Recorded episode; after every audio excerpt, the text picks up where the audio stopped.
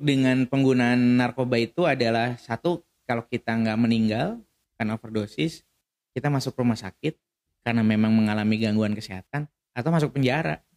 Mungkin lu akan ber- berhenti pada saat lu kehilangan semuanya. Dan saya pernah punya beberapa teman yang dari yang begitu tajir melintir sampai akhirnya tinggal di kontrakan.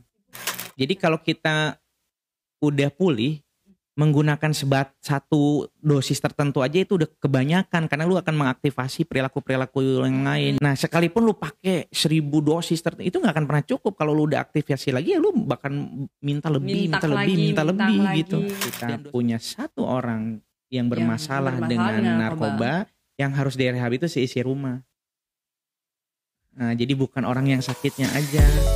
Sharing is caring, but it's more than that. Sharing is life changing. Hari ini saya mengundang narasumber yang luar biasa dan berkompeten di bidangnya. Di dalam keseharian, beliau ini sudah banyak membantu banyak sekali orang-orang yang memiliki masalah baik dalam narkoba maupun HIV.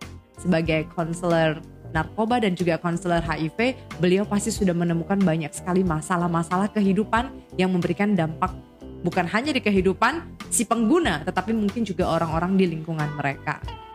Beliau juga sangat aktif di salah satu organisasi yaitu organisasi PEKA telah membawakan banyak sekali topik-topik seminar baik di skala nasional maupun di internasional. Bersama dengan saya di studio ada Pak Ewok, Pak Eka Brewo. Saya panggilnya langsung Pak Ewok gitu ya. Iya, iya. Mas Ewok lah ya gimana Mas Iya, iya. kabarnya? Sehat alhamdulillah. Alhamdulillah, sehat ya. Sehat, sehat. Kita langsung um, the point aja. Hmm. Apa sih pandangan Bapak sendiri ya melihat perkembangan teknologi yang seharusnya manusia ini kan semakin tahu Hmm. kerugian menggunakan narkotikanya, resikonya, akibatnya. Harusnya kan dengan perkembangan seperti ini kan membuat mereka makin takut ini. Tapi kenapa kok makin ke sini kok makin banyak gitu Hmm. yang menggunakan?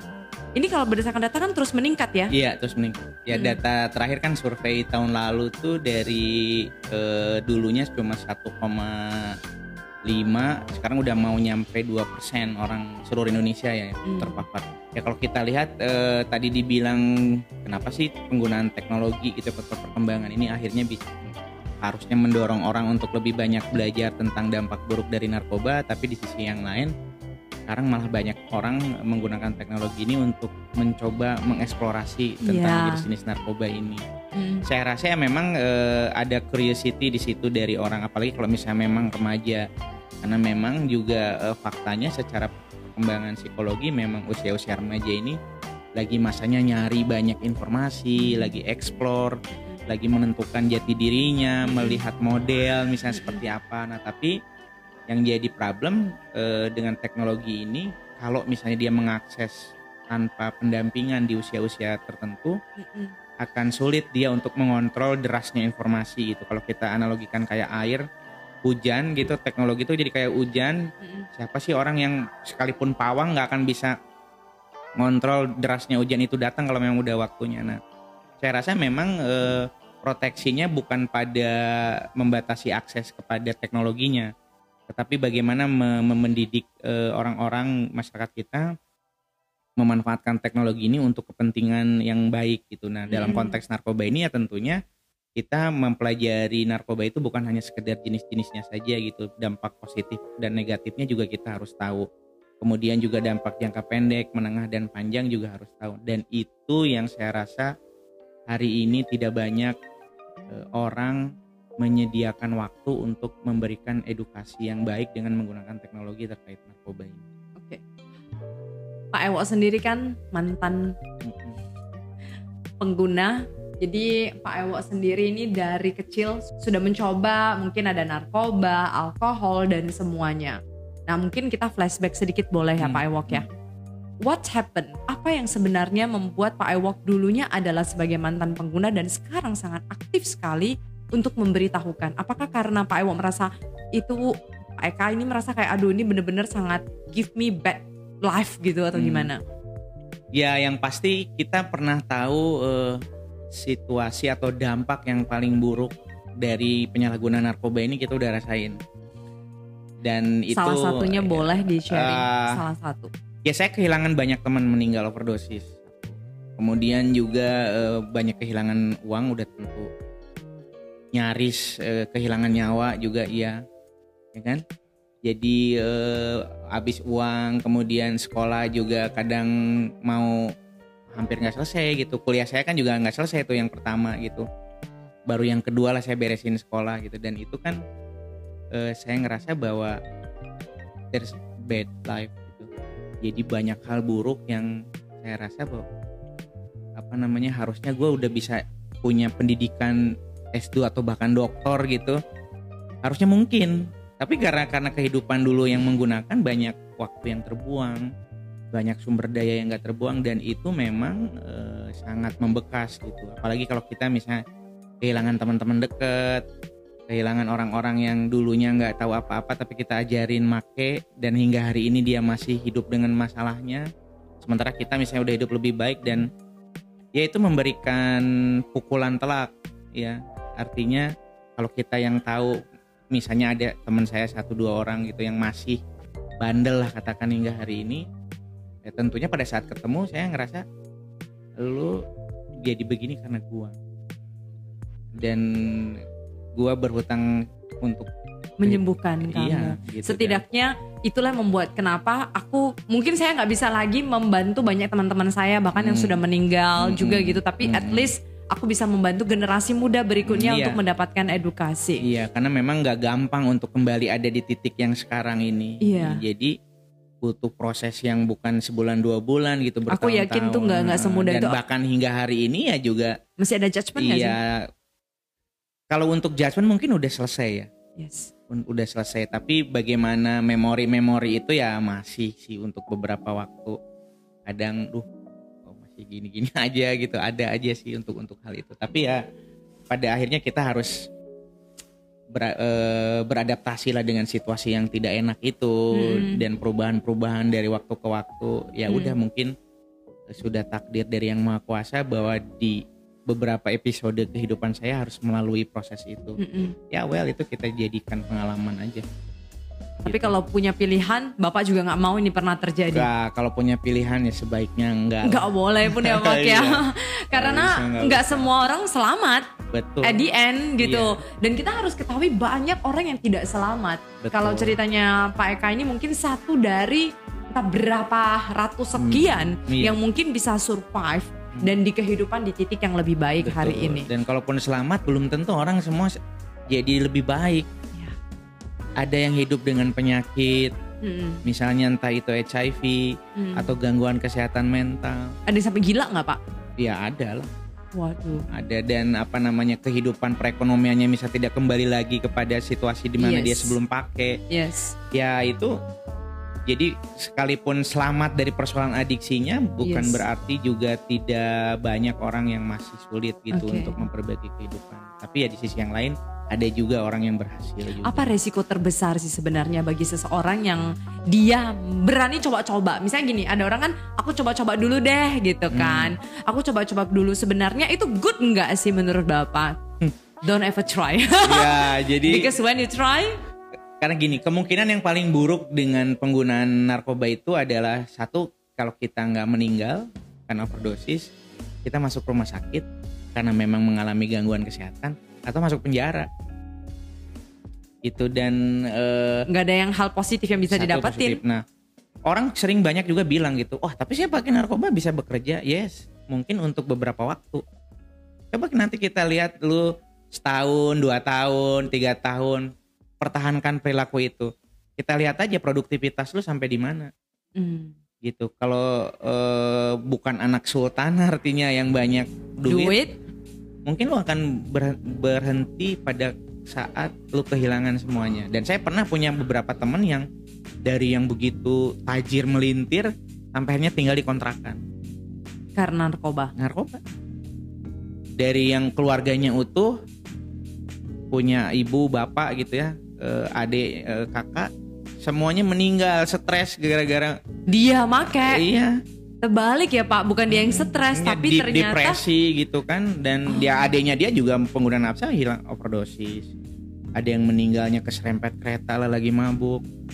Itu juga ada yang digebukin masa dibakar. Nah itu kan hal-hal yang mungkin orang ya di satu sisi mungkin ada beberapa orang yang memanfaatkan narkoba ini dalam tanda kutip untuk kepentingan pekerjaannya dan banyak gitu. Mungkin orang ngerasa oh saya berhasil kok pakai narkoba masih juga bisa kerja. Ya tapi pada saat lu nggak kerja gimana?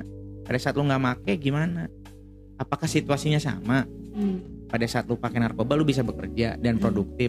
Kemudian pada saat lu tidak pakai lu juga masih bisa sama Hmm. produktif dan menghasilkan. Faktanya banyak orang yang aktif dan berpenghasilan dan produktif itu saat pakai. Begitu enggak ya repot. Oke. Jadi artinya pada saat kita memulai mencoba, kalau kita istilahkannya mencoba menggunakan, itu kita sedang mengaktifasi tiga bagian otak Mm-mm. di kepala kita nih. Apa itu pak? Nah itu namanya batang otak, korteks dan sistem limbik. Jadi Mhm. narkoba itu menyerang tiga bagian itu. Batang otak itu kan fungsinya mengatur denyut jantung kita nih. Mm-mm. Jadi pacuan darah kita tuh bisa lebih cepat sehingga orang akan lebih aktif. Mm. Itu batang otak yang mengatur tidur kita, Mm-mm. yang mengatur nafas kita, itu batang otak di bagian belakang sini. Mm-mm. Jadi pada saat kita mencoba menggunakan artinya kita sedang mengaktifasi batang otak di luar batas normalnya. Oke. Nah, hingga akhirnya orang matanya gini kalau dia pakai stimulan misal contoh kayak sabu-sabu nih, Ah, ah, mata gini rahang ah. kayak gitu dan aktif dan itu nggak akan bisa dia kontrol Oke. saat menggunakan memang tenaga jadi lebih karena kan pacuan jantung Oke. memacu darah lebih cepat itu Oke. batang otak kemudian korteks misalnya nah korteks otak ini juga Mm-mm. yang fungsinya itu eh, memproses informasi dari indera kita Mm-mm. indera penglihatan penciuman Mm-mm. perasa pendengaran gitu ya jadi kalau orang-orang yang masih belum terpapar narkoba kan ya kalau makan itu rasa enak tuh masih bisa dirasakan. Nah, tapi Mm-mm. kalau untuk orang-orang yang sudah telanjur parah gitu mengkonsumsi, kadang rasa itu nggak penting, yang penting kenyang. Mm-mm. Nah, atau misalnya dia pada saat melihat sebuah eh, fenomena, ngelihat orang, oh ini kayaknya polisi deh, ini kayaknya orang yang ini jadi paranoid gitu. Mm-mm. Nah itu kan terganggu akhirnya sehingga banyak juga kejadian belum lama inilah di kota Medan kita ini Mm-mm. di skip. Bagaimana angkutan kota yang nyerobot pintu kereta itu kan setelah dicek urinnya menggunakan narkoba jenis sabu. Oke. Nah kita bisa bayangkan bagaimana distorsi kepada eh, apa namanya indera penglihatan dia, pendengaran. Itu kan pintu kereta tuh sebelum menutup ada bunyi. Ada. Mungkin jadi nggak kedengar Ah, ya. Jadi dia slow aja. Udah gitu udah jelas-jelas pintu nutup dia nyelonong aja terus. Iya. Itu kan bukti bahwa ada gangguan di situ. Gitu. Nah, akhirnya jeger, tabrak. Nah, satu lagi ini yang mungkin orang harus pahami bahwa pengguna narkoba ini mengganggu yang namanya sistem limbik. Sistem limbik itu ada satu bagian namanya circuit reward atau sirkuit ganjaran. Hmm. Nah, ini yang memberikan eh, rasa nikmat di kehidupan kita Hmm. sorry to say ya misalnya eh, kita punya situasi yang alamiah kayak merasakan kenyang kalau habis makan Iya. kalau sudah menikah melakukan hubungan seksual Iya. merasakan kenikmatan kalau haus minum nah itu karena ada sistem limbik itu Iya. dan sirkuit reward dan semua hal yang enak-enak di dalam kehidupan itu direkam Oke. dan rekaman itu nggak hilang selama kita hidup Oke. jadi suatu hari rekaman itu akan ngeliat oh dulu gue pernah begini seneng dan Oke. itu akan memunculkan rasa kesenangan dan menghadirkan dopamin di kepala kita secara berlebihan Ah, hingga akhirnya orang kecenderungannya ingin mengulangi lagi rasa senang yang sama. Nah problemnya di penggunaan pertama, kedua dan ketiga itu tidak akan pernah sama Oke. karena tubuh kita punya yang namanya toleransi. Heeh. Jadi makin hari dosis itu akan makin tinggi. Oke.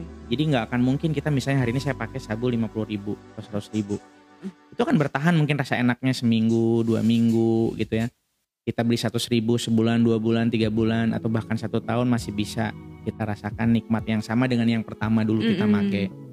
Tapi pas begitu misalnya nanti ada waktunya tuh kita beli 100 ribu, kok saya ngerasa kayaknya rasanya nggak sama kayak yang lama ya. Mm-mm. Jadi garing gitu Mm-mm. kentang gitu kalau kata istilahnya kena Mm-mm. tanggung ah udahlah belilah tambahin 200 ribu misalnya saya beli Mm-mm. begitu dipakai oh udah nih udah enak nih udah sama nah itu kan kan ada rekaman Mm-mm. nah pada saat rekaman itu tidak bekerja kita akan ngerasakan yang namanya tuh gejala putus zat Mm-mm. craving di situ Mm-mm. Kok begini kok nggak nyaman. Nah, akhirnya itu kan terjadi pengulangan perilaku penggunaan zat atau disebut dengan kompulsif. Oke. Nah itu problemnya. Dan kita nggak pernah tahu kapan kompulsif itu datang. Dan kapan dan kita nggak pernah tahu sebetulnya nggak pernah nyadar nih jangan-jangan dosis gue udah naik nih. Nggak pernah. Tapi nyadarnya begini kayaknya udah banyak yang berlarian nih temen gue baru nyadar itu udah begitu tuh Oke, berlarian karena melihat kelakuan Per- iya, kamu, perilaku betul. kamu yang berbeda, tapi kamu nggak Mm-mm. sadar kamu melakukan Ah. itu. udah jauh dari keluarga Hmm. kok duit kayaknya dapat banyak tapi kok nggak nggak jadi apa-apa gitu nah itu baru kita nyadar oh ini atau ada perilaku-perilaku yang kita misalnya lagi tiba-tiba dia ngomong sendiri ini kayaknya udah aneh nih gue nih nah itu kan udah udah itu udah dia kita bisa sadar sendiri ya. bisa dan kadang kita juga ya dulu ada misal teman-teman saya gitu kan lagi mancing tiba-tiba ngomong sendiri tiba-tiba ngeganggu orang dan akhirnya kan kita jadi ngelihat lu kayaknya udah ada yang salah nih sama kelakuan lu nih. Dan dia nggak nyadar gitu yang gitu-gitu. Wow. ke jalan tiba-tiba ke mana bawa kendaraan tahu-tahu udah di tengah kawasan yang antah berantah kayak gitu Karena ternyata ah, terjadi gangguan lah di Gangguan, sistem ya. otaknya betul kita. dan nih Itu itu walaupun pakai dikit aja pun juga bisa terjadi. ya sama Mau dikit mau, mau banyak. dikit mau banyak efeknya akan berdampak tentunya Oke. Tinggal tergantung kalau banyak ya berarti efek narkobanya kita bisa rasain lama Tapi bagaimana juga ada kan narkotika yang digunakan untuk em, kesehatan. ya ada contohnya kalau orang-orang operasi kan pakai narkotika Iya. juga tapi itu kan digunakan sesuai ketentuan Oke. misalnya kita mau operasi atau perempuan contohnya yang tidak bisa Melahirkan. melahirkan secara normal dia disesar Iya. suntik dulu supaya bisa eh, tertidur lelap operasi dan oke Mm-mm. tapi begitu dosisnya hilang ya paling kita hanya ngerasain rasa sakitnya aja Iya. tapi nggak bikin kita nagih pengen lagi Ah. karena memang digunakan sesuai ketentuannya Oke. atau misalnya orang tabrakan patah Mm. tulang mau pasang pen kan Mm. sakit Mm-mm. kalau nggak dibius kan nggak mungkin tuh dibelek segala macam kan sakit pasti akhirnya digunakan nah, tapi persoalannya setelah bius itu hilang dia nggak- tidak mau lagi lah dok dibius lagi. Kan enggak gitu. Karena memang ada tujuannya. Iya, iya. nah problemnya ini hari ini banyak orang yang tidak membutuhkan narkoba untuk medis sebenarnya. Atau obat-obat tertentu lah kita bilang. Saya nggak mesti sebutin obatnya lagi tapi ada kalau kita mau perjalanan jauh minum obat itu akhirnya kita bisa tidur dan bisa nyampe nggak mabok-mabok gitu kan. Nah itu kan ada tujuannya tuh dipakai. Tapi sekarang gini kita cuma pergi dari kan dari rumah ke kantor. Atau ke sekolah. Terus minum itu obat. Dan minumnya nggak satu minumnya lima. Ya teler pastilah. Disalahgunakan fungsinya Iya. gitu. nah, nah penyalahgunaan itulah sebetulnya yang jadi masalah. Jadi selama narkoba itu sebetulnya digunakan untuk alasan medis nothing wrong with that. Karena itu dikontrol Dikontrol dan juga tahu dosis yang seharusnya boleh Betul. dikonsumsi oleh Anda. betul Nah, dari hal yang singkat ini kita bisa pelajarin satu hal ya teman-teman bahwasannya jangan pernah Anda punya niat untuk coba-coba karena kalau udah coba zat itu udah masuk ke tubuh Anda. Gangguan itu pasti bisa terjadi. Hanya bedanya adalah gangguannya kecil nanti bisa semakin membesar. Dan kita akan bahas apakah narkotika apa orang yang menggunakan narkoba itu sebenarnya bentuk adalah sebuah penyakit atau aib. Hmm. Nah, karena tak dipungkiri banyak orang nggak sadar, ini kan dia pakai, berarti itu kan penyakit kan. Hmm. Namun yang terjadi di lapangan kenapa orang tidak melihat ini sebagai penyakit ya? Saya rasa, saya rasa ya. Mhm. Gimana pandangan bapak? Yang Ya. dilihat kan bukan kayak harus sakit, harusnya dia diobatin. Tapi mungkin ketika orang menggunakan malahan yang terjadi lingkungan menjauhi, hal-hal yang membuat mereka itu ma- makin terkucilkan. Iya. Ya karena juga pada kala itu dia salah ibarat kayak orang salah makan obat ya kan Pak. Kalau kan salah makan obat dia makan makanya otaknya agak hang gitu makanya dia bisa marahin kamu kalau nggak dikasih Hmm. gitu. Harusnya cepat dibantu. Mm-mm. Ha, what, what, what is bapak opinion? Ya, jadi gini, kalau kita lihat dari definisi ilmiah aja gitu ya, adiksi Ya. ini kan sebuah penyakit kronis dan kambuhan Oke. yang menyerang sistem saraf pusat pada tubuh manusia yang Hmm. adanya di otak. Hmm. Nah, tandanya apa? Kalau orang adiksi atau ketergantungan itu tandanya adalah dia mengulangi Mm-mm. penggunaan zatnya Mm-mm. untuk mendapatkan sensasi yang sama, Heeh. sekalipun disadari konsekuensinya itu membahayakan. Mau itu ditangkep, mau itu mau overdosis, bisa Iya. bikin orang gangguan kesehatan mental nggak peduli, Iya. karena dia udah ngerasa enaknya, Oke. gitu. jadi tetap dipakai. Nah sehingga pengulangan-pengulangan penggunaan narkoba itu akhirnya bisa merubah perilaku, Mm-mm. Bisa berubah bagaimana dia berinteraksi dengan sekitarnya, Heeh, bisa merubah cara pandang dia. heeh, Yang tadinya nggak paranoid jadi paranoid, Iya. yang tadinya diem jadi aktif, yang Heeh. tadinya aktif jadi diam-diam jadi berbalik-berbalik gitu Iya. sistem-sistem itu. Nah, Heeh. itu kalau ada penggunaan zatnya. Jadi Nah sekarang kok kenapa orang tidak melihat ini sebagai penyakit? Penyakit, nah gitu. karena kebanyakan masyarakat kita melihat apa yang terlihat oleh mata. Dan kalau kita berbicara yang terlihat oleh mata ya sudah pasti perilaku yang dilihat.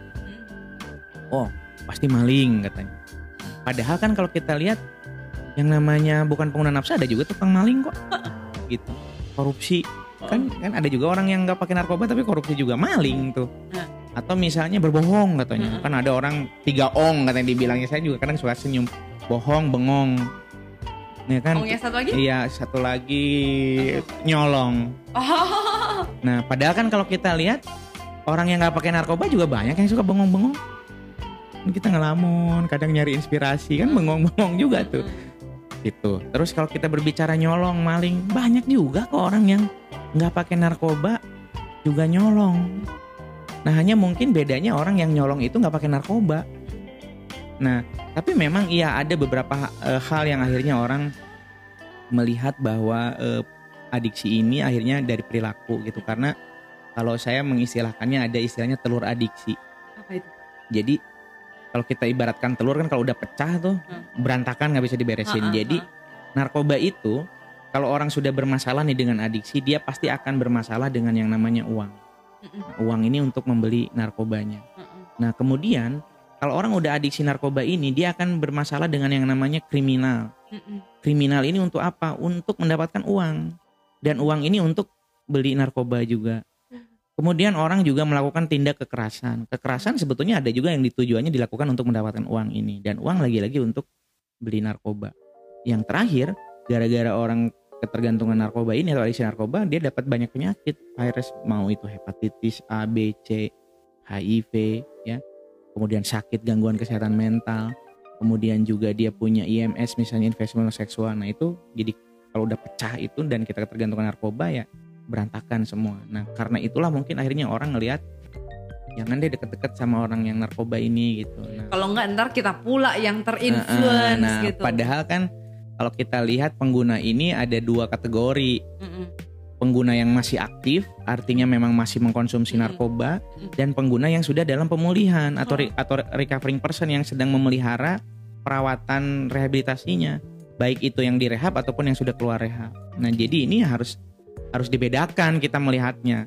Mungkin kalau orang-orang yang masih aktif menggunakan, iya kita harus hati-hati. Iya. Karena ada faktanya ada banyak perilaku yang toksik di situ ha-ha. yang resiko tinggi gitu mungkin kita bisa keep the distance gitu Oke. boleh seperti itu tapi kalau Oke. kalau orang-orang yang sudah berhenti kemudian dia mulai lagi menata hidupnya ya jangan dijauhin dong harus tetap kita support juga nah tapi kan kadang-kadang masyarakat keadaan tidak seperti seperti itu. dan faktanya orang kita masih eh, melihat kalau kita analogikan kayak paku yang ditempel ke pohon kalaupun pakunya udah dicabut Cabut, bolongnya tuh masih di situ. ada. dan itu kan butuh waktu gitu butuh Mm-mm. waktu dalam menutup lagi lubang-lubangnya. Nah mungkin dalam proses menutup lubang itu di situ sangat-sangat dipengaruhi sama tingkat kesabaran orang dan keterbukaan orang dalam menerima orang-orang ini balik di kehidupan yang normal lah istilahnya gitu Oke, jadi di sini kita bisa menyimpulkan this is penyakit ya di sisi- dan di sisi- ini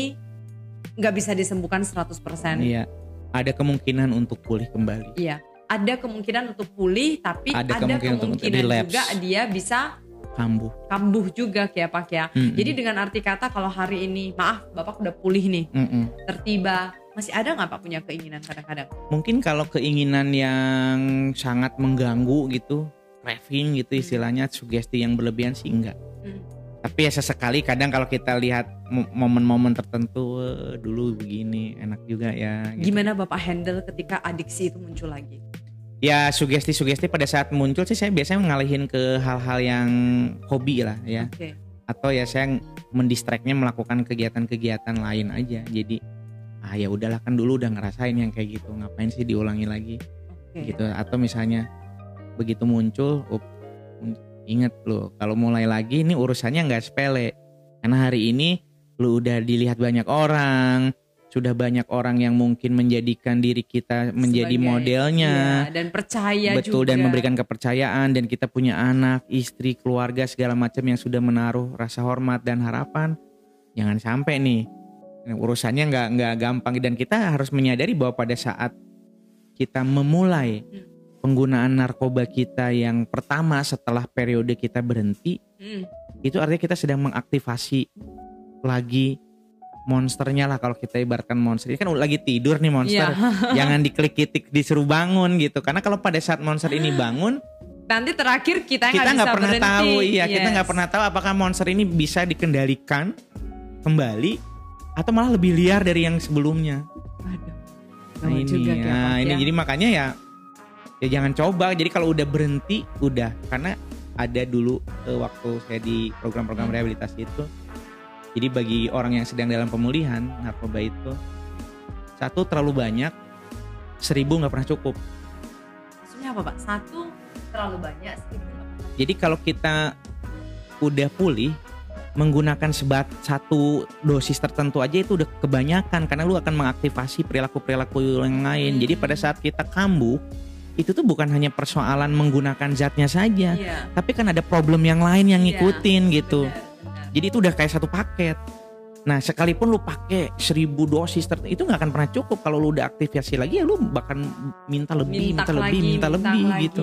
Dan dosisnya bisa jadi lebih dari yang kita bayangin Iya, gitu dia. Oke, well, jadi untuk teman-teman di sini hal yang saya pelajarin juga adalah selain ini menjadi sebuah penyakit, hal yang perlu kita perhatikan juga adalah lingkungan. Karena bagaimanapun lingkungan adalah kata kuncinya. Karena kita nggak bisa memungkiri segala sesuatu yang terjadi itu adalah lingkungan dan lingkungan. Tadi Bapak kalau menjelaskan Hmm. kita perhatikan kan, Hmm, yang membuat Bapak hari ini tak dipungkiri mungkin lingkungan yang sangat mendukung Iya. gitu. iya. Nah sekarang kita udah bicara tadi resikonya, terus kehidupan Bapak yang juga pernah terjerumus dan alhasil ya puji syukur, puji Tuhan itu Bapak sekarang udah Hmm. udah tahu lah yang mana benar dan enggaknya. Iya. Kita nggak bahas itu hari ini, tapi Hmm. kita berharap mungkin di sini ada teman, saudara, orang di sekeliling mereka yang juga pengguna narkoba. Hmm. Yang mungkin mereka tahu, tapi mereka tidak dalam kondisi direhabilitasi Hmm, atau mungkin dalam kondisi yang juga struggling untuk menghadapi ini. Iya. Apa yang bisa Bapak katakan kepada mereka? Yang pertama ya tentunya kita harus accept the thing we cannot change.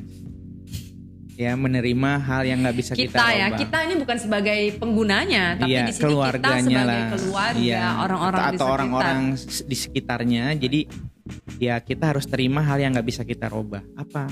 Yaitu ada orang yang menggunakan dan bermasalah dengan adiksi narkoba di kehidupan atau keluarga kita. Karena kita harus menerima itu, nggak boleh menyangkal.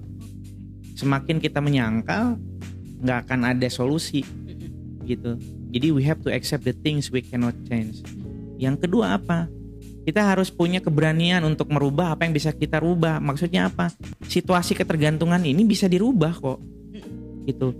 Pertanyaan mendasarnya adalah apakah kita mau apa tidak memberikan kesempatan orang untuk berubah atau membantu orang untuk berubah. Betul, faktanya orang sangat Susah sangat berubah. susah berubah dan melelahkan ya Iya. Udah habis banyak uang, udah keluar masuk rehab Ah. misalnya, udah kehilangan banyak aset segala Hmm. macem, tapi kok nggak Berubah berubah-berubah? Mungkin kita perlu bertanya secara kritis pada saat kita membantu atau melakukan perubahan pada orang-orang yang bermasalah dengan adiksi, kontribusi kita itu selain menyediakan uang, apalagi?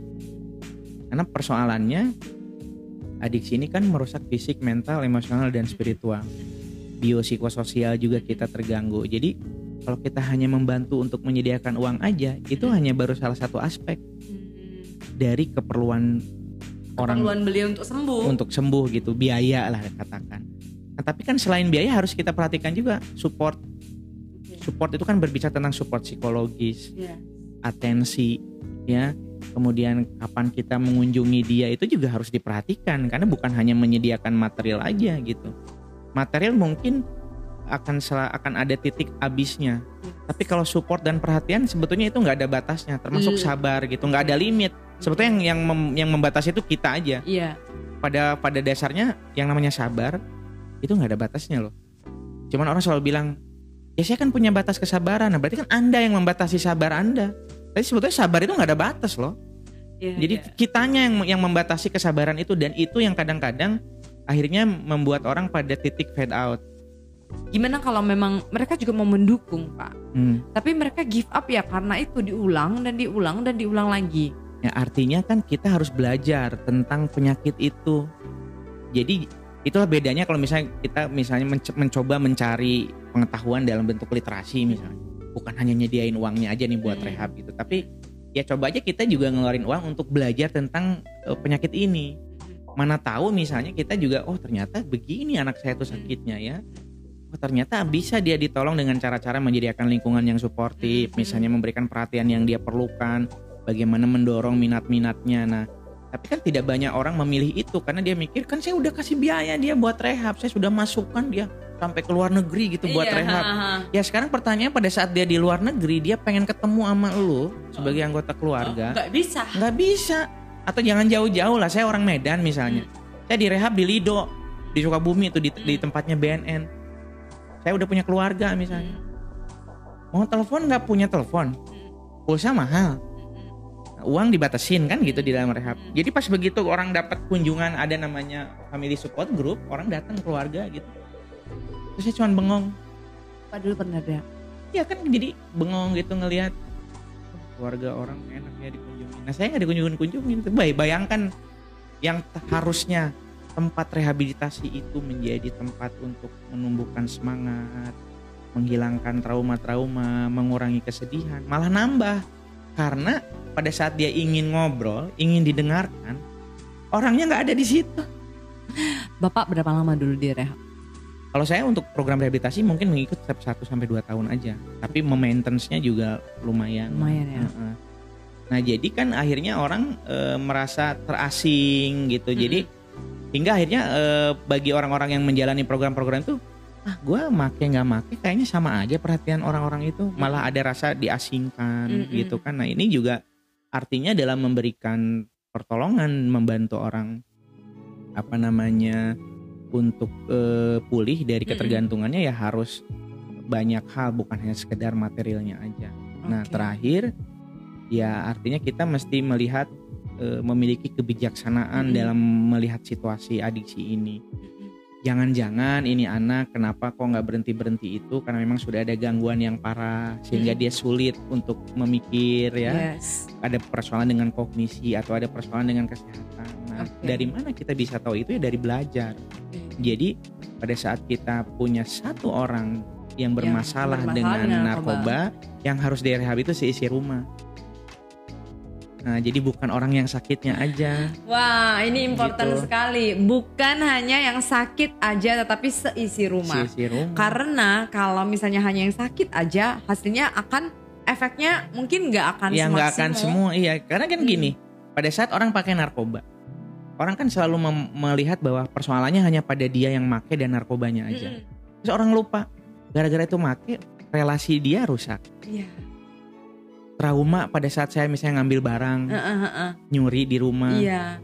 ibu Terus bapak dikatain Mm-mm, lagi. ibu ibu bapak berantem abang kakak berantem gara-gara pengguna itu kan itu Hmm. harus diperbaiki dong Iya, iya, artinya kan ada hal yang rusak dan harus direhab iya, iya.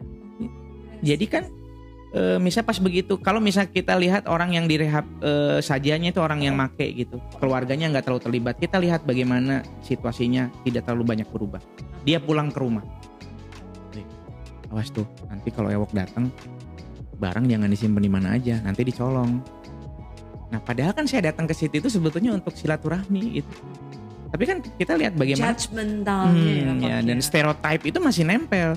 Kenapa? Karena mereka pada saat kita direhab nggak mau belajar bareng, nggak mau datang ke panti rehab itu. Karena memang pada dasarnya banyak juga keluarga ini yang membuat panti rehab itu kayak penitipan anak. Saya menyerahkan masalah saya ke Anda. Dan saya bayar Anda, jadi saya bisa santai-santai dulu dari semua stres ini. Saya iya, benar. Memang banyak kali orang mengambil rehabilitasi sebagai tempat penitipan saja karena kalau nggak stres dia di rumah Betul. gangguin asik aja Jadi buat mem- masalah. ya, memperlakukan panti rehab kayak kayak bengkel ketok magic akhirnya. Berharap sekeluar dari rehab mereka bisa Bagus. bener jadi orang dan mereka bisa berubah. Iya. Berapa persen sih kalau orang yang apa maksudnya pergi ke rehab tuh bisa berhasil. Even dia orang baru dalam tanda kutip setelah rehab, tapi kan profil yang lama nggak hilang. Iya benar-benar. Nah sekarang kan untuk untuk mengembalikan profil portofolio yang bagus, kan itu butuh kesempatan. Nah jadi kalau kesempatan itu tidak bisa diberikan, Mm-mm. ya jadi gimana lah cara mereka membuktikannya? Kalau Sharing is caring, but it's more than that. Sharing is life changing.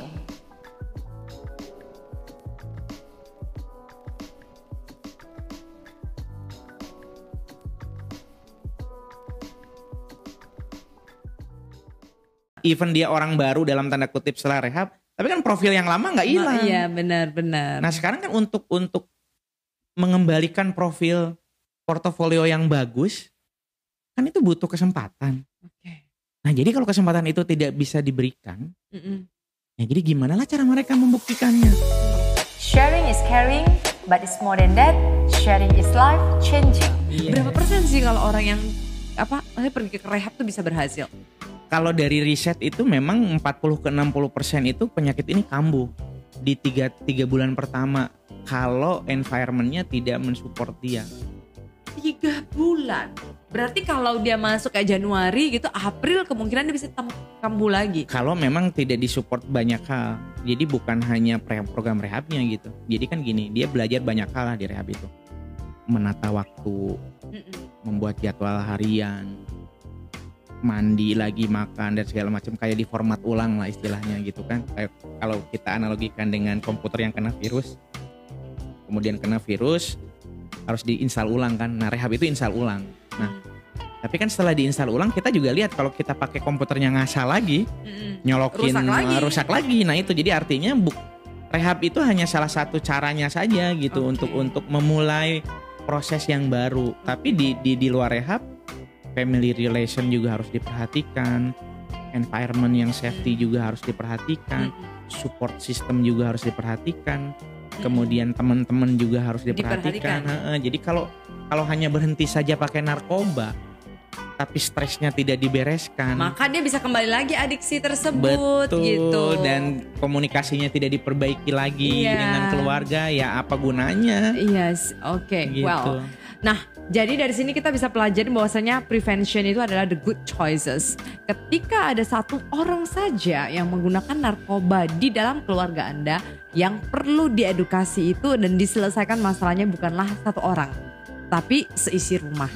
Dengan harapan biar orang tersebut, orang yang tadinya teradiksi, dia bisa sembuh bukan hanya dengan caranya sendiri tetapi orang-orang juga tahu bagaimana menghadapi dia di dalam masa penyembuhannya. Iya. Nah, Bapak kan sebagai konselor narkoba dan HIV dari pengalaman Bapak selama ini juga ngurus di rehab. Hmm. Berapa persen sih kasus tuh bisa berhasil dari rehab?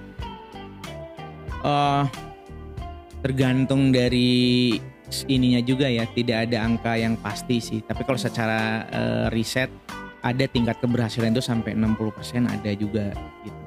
Tapi ya itu tadi ternyata yang 60% itu bisa sampai di titik angka itu bukan hanya program re- Di- rehabilitasi dan individunya aja selama dia menjalankan program di tempat rehab gitu. Tapi bagaimana keluarga dan masyarakat juga berperan aktif. Berarti Karena- 60% itu bisa kita bilang Bisa. orang yang berhasil ketika seisi rumah dirinya juga dan semuanya bener-bener mau Iya. find mau, mau- solution. iya betul karena kan eh, nggak bisa parsial gitu Iya. karena kan pengguna narkoba ini masalahnya bukan hanya di skup lokal ya katakanlah domestik keluarga aja gitu kan juga berdampak pada lingkungan di luar rumah Benar. jadi kriminal kan juga terjadi bukan hanya di rumah terjadi di Yes. luar nah itu kan juga perlu di diamankan juga nah Oke. makanya kenapa program-program rehabilitasi itu sebetulnya bukan hanya menyasar pada orang yang sakit saja gitu tapi Hmm. juga keluarga dan masyarakat juga harus diedukasi. Nah memang di kita dalam konteks Indonesia ini masih banyak program rehabilitasi itu berfokus pada orang yang sakit orang melihatnya gitu aja. Dan kalaupun ada ya hanya keluarga segelintir aja tidak semua Nggak banyak orang melihat ini sebagai penyakit, tetapi Betul. melihatnya sebagai ya aib gangguan perilaku sebenarnya. aib, dan Aib. tindak kriminal hanya itu yang dilihat gitu padahal kan sebetulnya kalau kita tengok yang dirusak itu kan kebanyakan otak kiri ya otak kiri itu yang terkait dengan kognisi dan Mm-mm. perilaku. Tapi kreativitas di otak kanan ini kan nggak nggak banyak diserang sebenarnya. Mm-mm. Makanya kenapa orang-orang yang pengguna nafsa itu pada kreatif sebenarnya karena memang otak kanannya itu imajinasinya nggak terlalu banyak hancur. Jadi sebetulnya kalau kita bisa me- me- menampung ke kekreativitasannya, saya rasa banyak orang yang bisa berhasil bermanfaat, Iya, bukan iya. hanya berhasil gitu.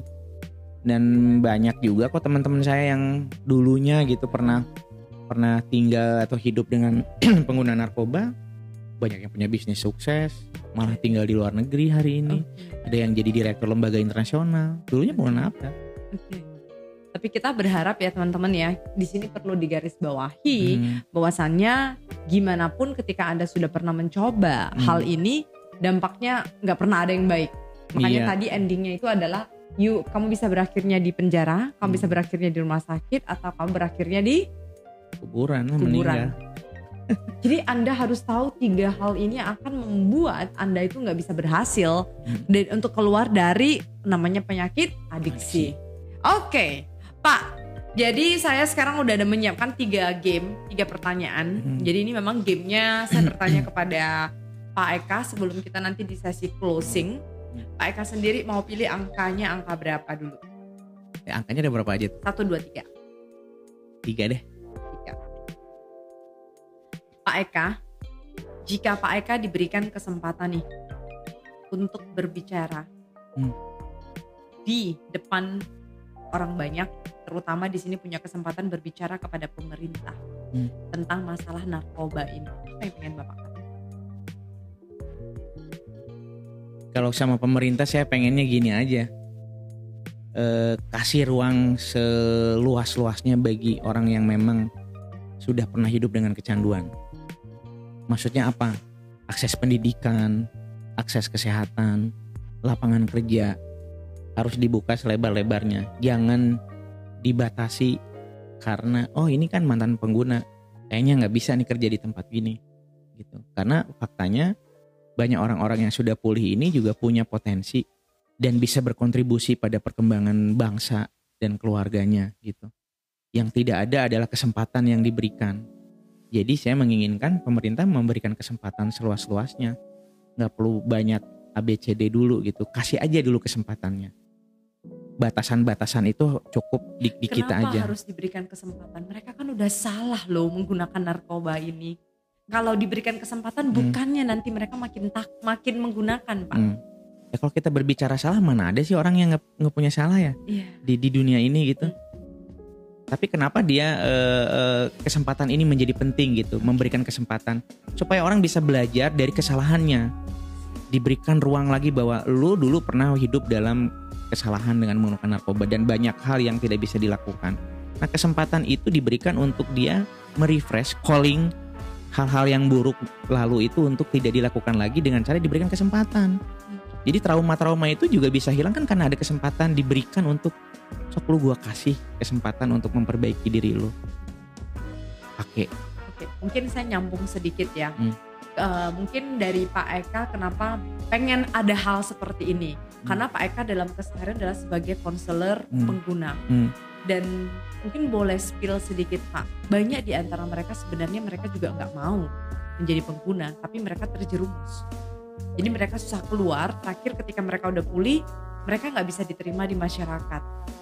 Ya, Gitu ya. mungkin gini. eh, Jadi di- jadi susah diterima di masyarakat. Jadi harapannya Pak Eka adalah ketika ini banyak ini ada yang udah mau pulih, Mm-mm. but they don't have the chance. Terakhirnya ya udahlah, gue balik lagi lah. Ya iya karena kan gini.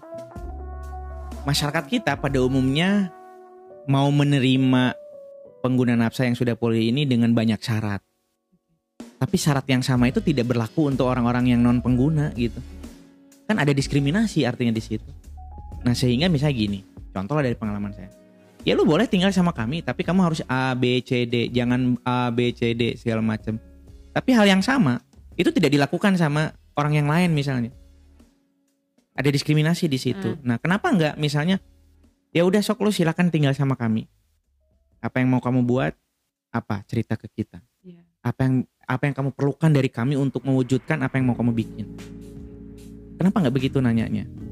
Kenapa harusnya? Gua mau bantu lu, tapi lu harus A B C D. Kenapa enggak ya udah kamu maunya gimana? Apa yang kira-kira kamu perlu dari kami? Biar kita bisa bantu. Nah, artinya kan itu memberikan ruang untuk Hmm. dia mengungkapkan apa yang keinginannya, apa yang menjadi kendalanya mungkin. Nah, it- itu kan harus ada kesempatan untuk mengungkapkan itu. Nah, ini kan enggak di masyarakat kita. Pada saat misalnya tahu orang kita pernah hidup dengan penggunaan nafsa, awas tuh. Jangan ini lagi, hati-hati. Jadi berarti Istilahnya. kita bisa bilang pengguna ini kadang mereka adalah korban. Iya, memang korban. Karena kan gini, misal contoh kayak tadi misalnya terjerumus kalau bahasanya Bu Lisa tadi terjerumus bilang, misalnya dia punya masalah yang sebetulnya ingin dia ungkapkan sama keluarga lah katakan. Tapi keluarga nolak. Dengan alasan sibuk lah, dengan alasan kamu udah dikasih tahu segala macem. Akhirnya kan dia jadi merasa terasing. Oke. Kan gue juga butuh perhatian lu sebagai keluarga. Oke. Even gue juga pengguna nafsa. Iya. gitu gue juga butuh atensi karena memang pada dasarnya pengguna nafsa itu orang yang ingin diperhatikan ingin didengar jadi semak dan dia orang yang lonely karena Iya. karena sering disisihkan Oke. jadi kalau sekarang kita mau menolong dia Heeh. kita tidak menyediakan ruang untuk mengisi kekosongan dalam kehidupannya Iya. kita tidak memberikan pendengaran kita untuk mendengarkan keluh kesahnya kita tidak memberikan atensi di mana dia merasa disingkirkan ya gimana kita mau ngebantu kalau kayak gitu Iya. tapi kalau kita coba buka sedikit aja dulu misalnya nggak nggak nggak usah banyak-banyak dengerin. Ya udah sok kamu mau ngomongnya apa? Saya dengerin. Walaupun nggak ngebantu apa-apa, dengerin Iya, doang. cukup di, cukup didengerin karena memang fak- faktanya juga mereka hanya perlu didengerin aja. Nggak perlu dikasih solusi karena memang Hmm. sebetulnya mereka juga mungkin udah punya solusi itu tapi agak sulit untuk mengeluarkan solusi itu menjadi sebuah rencana aksi lah istilahnya Mm-mm. untuk dieksekusi dijalankan. Nah, Mm-mm. itulah peran kita. Oke. Jadi kalau itu tidak ada kesempatan yang diberikan dari mana kita tahu Oke. dia bisa berubah? Oke. Kalau kita hanya mengharapkan ya kok berubah aja sendiri. Oke. Ini orang nggak ngerti. Ini orang baru keluar dari sebuah dunia rehabilitasi Yang yang, beda. Heeh, dan dia tapi dia memiliki status yang ada yang lamanya kan masih Iya. nempel. Even dia orang baru dalam tanda kutip setelah rehab, tapi kan profil yang lama nggak hilang. Iya, benar-benar. Nah sekarang kan untuk untuk mengembalikan profil portofolio yang bagus, kan itu butuh kesempatan. Nah jadi kalau kesempatan itu tidak bisa diberikan, Mm-mm.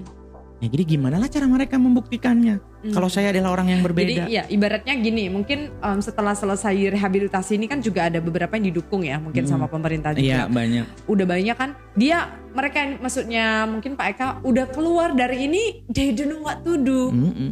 Karena judgement ini masih, Masih, ada. masih. Terakhirnya itulah yang membuat mereka keluar dengan Ya balik lagi ke lingkungannya yang Iya. lama. Karena lingkungan lama itulah yang bisa menerima dia tanpa syarat apa pun. Oke.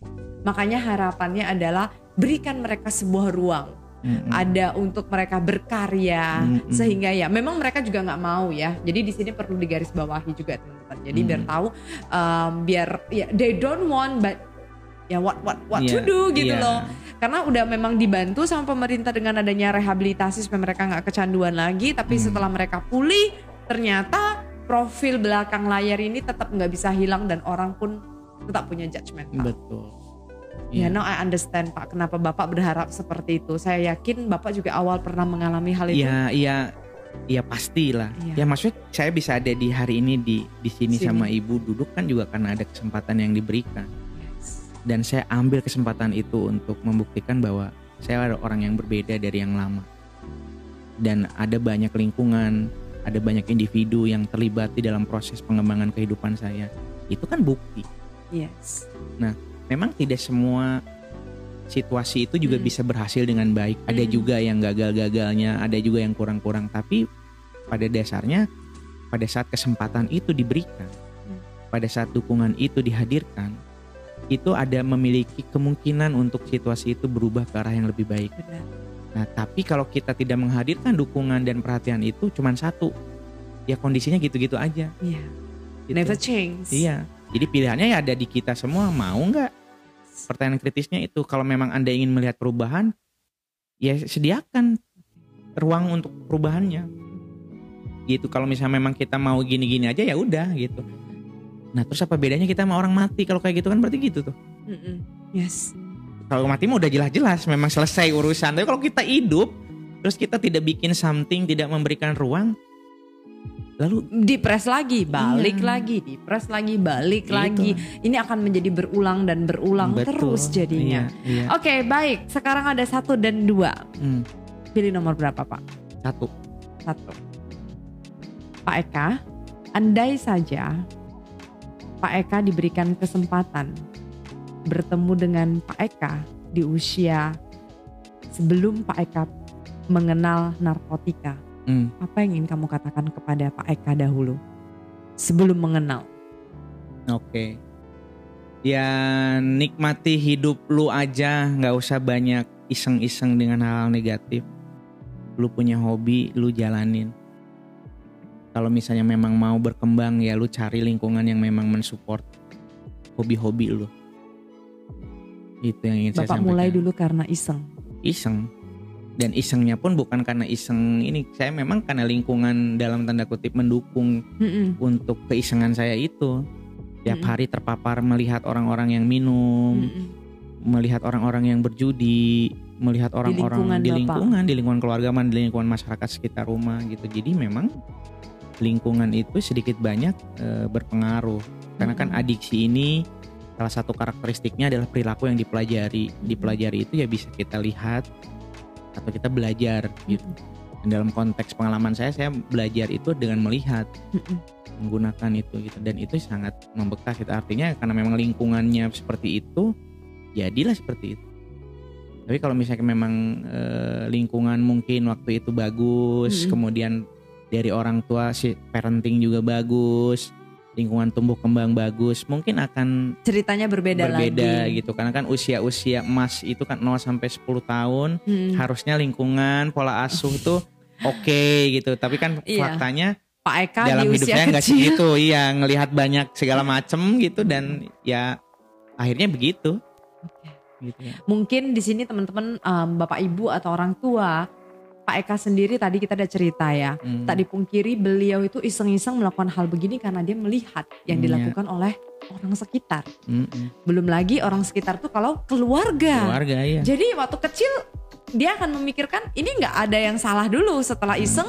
dipakai-pakai ternyata kecanduan. betul Ketika sudah adiksi baru mulai mengerti. Nah, jadi mungkin di sini ada yang orang tua ataupun yang rekan jangan memikirkan yang kamu lakukan tidak dilihat. Mungkin mereka melihat tidak mencontoh di depan Anda. Dan alhasil yang terjadi adalah di belakang layarnya. Kita berharap nggak ada lagi eka-eka eka-eka Iya. berikutnya. jadi ya kalau misalnya kita sebagai orang dewasa Iya. sebagai orang tua masih punya kelakuan-kelakuan yang ajaib-ajaib lah gitu istilahnya sebaiknya jangan dipertontonkan di depan anak-anak kita karena kita nggak pernah tahu perilaku yang ajaib itu Direkam. direkam sama dia dan mungkin one day at a time dia bakal nyoba perilaku itu dan jangan salahkan mereka kalau pada saat akhirnya perilaku itu memang betul-betul dia tunjukin di depan kita nah kita nggak boleh juga tuh marah ya gimana karena karena kita yang membuat dia jadi seperti itu Benar. problemnya jadi misalnya nih contoh kita punya kebiasaan merokok. Oke kalau memang belum bisa berhenti. Tapi ya lu ngerokok jangan di rumah deh. Iya. jauh-jauh. Atau mau pas mau masuk rumah lu bersihin dulu tuh mulut. Baju ganti Mm. biar nggak ada terpapar gitu bau-baunya. Jadi orang juga nggak akan anak-anak kita nggak akan ngelihat ini perilaku yang nggak betul. Mm-mm. tapi kan sekarang kita nggak nggak tidak melihat itu gitu. Kita lihat di masyarakat. Lagi gendong bayi ngerokok. Jalan nama keluarganya pegangan tangan sama anaknya dia pegang di tangan kanannya rokok. Iya. di meja makan ngerokok jadi makanya kenapa juga urusan penggunaan rokok ini sekarang harus diperhatiin nih Iya. semakin mudah orang meng- mengkonsumsi rokok dan keluarga nggak bisa bikin apa-apa karena saat dia bilang berhenti ya You, kamu juga begitu Iya. gitu. Jadi nah, lingkungan. terakhir dia marah Yes. kalau marah tersinggung nggak tidak sedikit juga orang-orang yang mukul akhirnya Hmm. pada saat mukul menimbulkan luka itu anak akan keluar dari rumah Dendam terjadi, terus kemudian kriminal, kekerasan. Mm-mm. Jadi terkadang hal sederhana ini semua itu dimulai tanpa dipungkiri dari rumah. Exactly. Oh my god, it's so nice talk to you Bapak. Oke, well Bapak andai sajanya udah dipilih dua sama Bapak, thank you very much. Sebenarnya ada nggak sih pesan yang ingin Bapak sampaikan kepada teman-teman yang saat ini mendengarkan? Eh, pertama gini, eh, saya orang yang percaya dengan ilmu pengetahuan bisa membantu orang untuk lebih baik. Nah, jadi salah satu cara untuk kita memberikan perlindungan kepada masyarakat, kepada keluarga kita adalah educate to prevent. Hmm. Jadi kita mengedukasi orang untuk mencegah Mm-mm. dari penyalahgunaan narkoba. Nah, mencegah ini pun bukan hanya sekedar eh, menyediakan informasinya Mm-mm. atau men- menyediakan literasinya, tapi kita harus berperan aktif Mm-mm. membantu proses-proses pencegahan ini dengan kemampuan yang paling mungkin kita lakukan. Mm-mm. Apa contohnya? Ya kita misalnya menggali informasi dari teknologi. Mm-mm. Nah, kita jadikan informasi itu menjadi obrolan di lingkungan Mm-mm. terkecil kita, Mm-mm. keluarga. Syukur-syukur kalau udah mulai bisa di- dibagi juga di luar keluarga. Mm-mm. Karena dengan memberikan pengetahuan, memberikan informasi itu juga akan membangun eh, ilmu pengetahuan Yes. orang, membangun kemampuan untuk memproteksi diri dan lingkungannya. Nah, tanpa itu rasanya akan sulit kita membendung globalisasi ini, Mm-mm. akan sulit kita membendung datangnya penyeludupan narkoba ini, Mm-mm. belum lagi yang teknologi tadi gitu. Jadi ya Mm-mm. memang dengan memberikan eh, pendidikan, Mm-mm. pengetahuan, kita bisa melindungi orang, mencegah orang dari perilaku-perilaku yang tidak baik. Oke. Saya rasa itu. Terima kasih banget ya Pak Eka udah Iya. berkenan untuk berbagi pengalaman hidupnya. Tapi yang jelas di sini Pak Eka sudah memberitahukan kepada kita hal-hal yang nggak boleh kita lakukan dan kita bisa prevent sejak dini. Kalau bisa memilih waktu, pasti saya yakin Pak Eka juga memilih untuk tidak pernah menjadi seseorang yang pernah teradiksi menggunakan hal-hal yang sebenarnya tidak boleh digunakan juga. Oke, semoga teman-teman mendapatkan hal yang bermanfaat dari perbincangan kami. Jika Anda suka dengan video ini, dengan podcast ini, silahkan klik like, comment, and subscribe. Boleh dengarkan kami juga di Spotify dan Google Podcast. Sampai jumpa di lain kesempatan. Thank you. Bye. Sharing is caring, but it's more than that. Sharing is life changing.